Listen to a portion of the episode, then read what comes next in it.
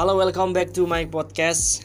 Selamat datang teman-teman di podcast Meja Berkarya. Sorry banget karena udah cukup lama satu bulan lebih saya nggak rilis, nggak upload gitu ya podcast di Meja Berkarya karena memang ada banyak kesibukan akhir-akhir ini.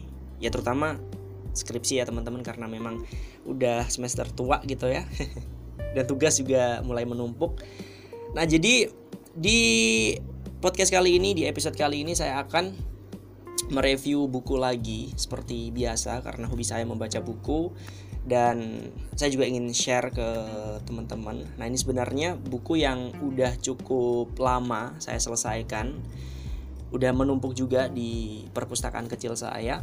Dan sebenarnya udah saya review juga itu di blog saya. Teman-teman kalau suka membaca bisa buka di www.catatankerupuk.com. Di blog itu banyak sekali bukan hanya review buku tetapi ada juga uh, opiniku terkait dengan banyak hal, terus ada pengetahuan umum dan masih banyak lagi. Teman-teman bisa coba buka aja blog saya. Nah, sedikit promosi ya.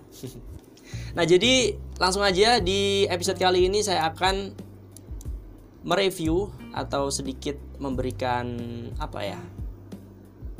Apa sih yang saya dapat dari buku yang sudah saya baca? Buku ini buku kiri sih, biografi seorang tokoh luar biasa dengan jiwa kemanusiaan yang sangat tinggi yaitu Che Guevara. Ditulis oleh Robert Junaidi. Judulnya itu Che Guevara Sang Revolusioner. Nah, covernya merah tuh seperti buku kiri pada umumnya. Nah, sedikit memberikan gambaran aja sih kalau Che Guevara itu uh, apa ya seorang anak yang dilahirkan di Argentina yang memiliki jiwa kemanusiaan yang sangat luar biasa ya teman-teman. Bahkan Che sendiri rela berjuang dan mengorbankan seluruh hidupnya di beberapa negara bagian Amerika Latin. Nah, jadi bagi Che sendiri, perbedaan geografis menurut dia bukan menjadi halangan untuk mencabut ideologi kolonialisme, teman-teman. Che sangat menjunjung tinggi nilai kemanusiaan dan ingin mencabut akar penindasan di dunia. Nah, sangat wajar sih ketika tokoh-tokoh besar dunia dengan lantang membela tanah airnya sendiri ketika ditindas oleh negara lain, tetapi berbeda dengan Che Guevara. Meskipun dia terlahir sebagai warga Argentina, dia tetap semangat menyulutkan api revolusi di berbagai macam negara. Karena bagi dia, penjajahan merupakan praktek dehumanisasi yang harus dicabut sampai ke akarnya. Dia sendiri adalah sosok yang sangat kuat dan tangguh ya teman-teman. Meskipun dia memiliki penyakit asma yang diceritakan pada biografinya Tetapi hal tersebut tidak pernah menjadi halangan dia untuk tetap belajar dan berkembang. Pada usia remaja dia juga pernah memberanikan diri untuk mengelilingi Argentina.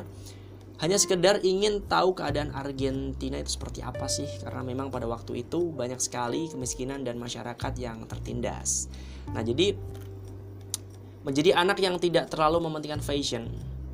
Itu ditulis juga dalam bukunya membuat C pernah dijuluki sebagai El Cancho. Ini agak susah ijaannya sih. Pokoknya tulisannya El Cancho atau apa gitu ya yang artinya itu babi kecil. Tetapi hal itu tidak membuat C sakit hati karena C mempunyai prinsip yang sangat luar biasa. Dan ini bisa diterapkan di era sekarang. Prinsipnya itu lebih baik memoles otak daripada sibuk dengan pakaian itu tuh yang miris.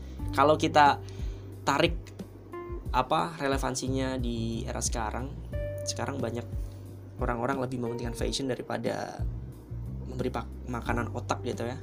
Lebih suka membeli pakaian daripada buku. Nah ya, tapi itu nggak nggak menjadi pembahasan pada podcast kali ini. Nah kembali lagi kepada biografi Che Guevara. Jadi Che Guevara sendiri memiliki pendidikan politik itu udah mulai dari kecil ya teman-teman mulai berkembang ketika dia banyak terlibat dalam perdebatan politik, aksi jalanan untuk menentang rezim Juan Pern yang sangat diktator pada waktu itu. Che juga ikut bergabung dalam satu kelompok anak muda nasionalis dan namanya sangat susah dibaca sih. Civico Revolucionario Monteagudo Nah, kurang lebih seperti itu. Nah, pengetahuan tentang politik yang dimiliki Che Guevara mulai berkembang apalagi ketika dia bertemu dengan Fidel Castro di Kuba. Nah, pertemuan dua tokoh revolusioner itu membuat api perubahan terus tersulut, apalagi dengan melihat rezim diktator yang terus merampas dan menindas masyarakat. Nah, Kuba merupakan negara kecil yang dipimpin oleh rezim Batista pada waktu itu yang dinilai sangat diktator dan juga sangat merugikan masyarakat. Nah, hal ini membuat jiwa revolusi yang bersemayam di dalam tubuh C meronta-ronta ingin membuat suatu aksi perlawanan dengan bantuan pasukan gerilyawan serta kecerdasan Fidel Castro, akhirnya rezim Batista bisa ditumbangkan. Nah, kemenangan Che Guevara dan pasukan gerilya di Kuba tidak membuat Che merasa puas. Dia masih mempunyai keinginan untuk mencabut akar imperialisme di negara-negara lain.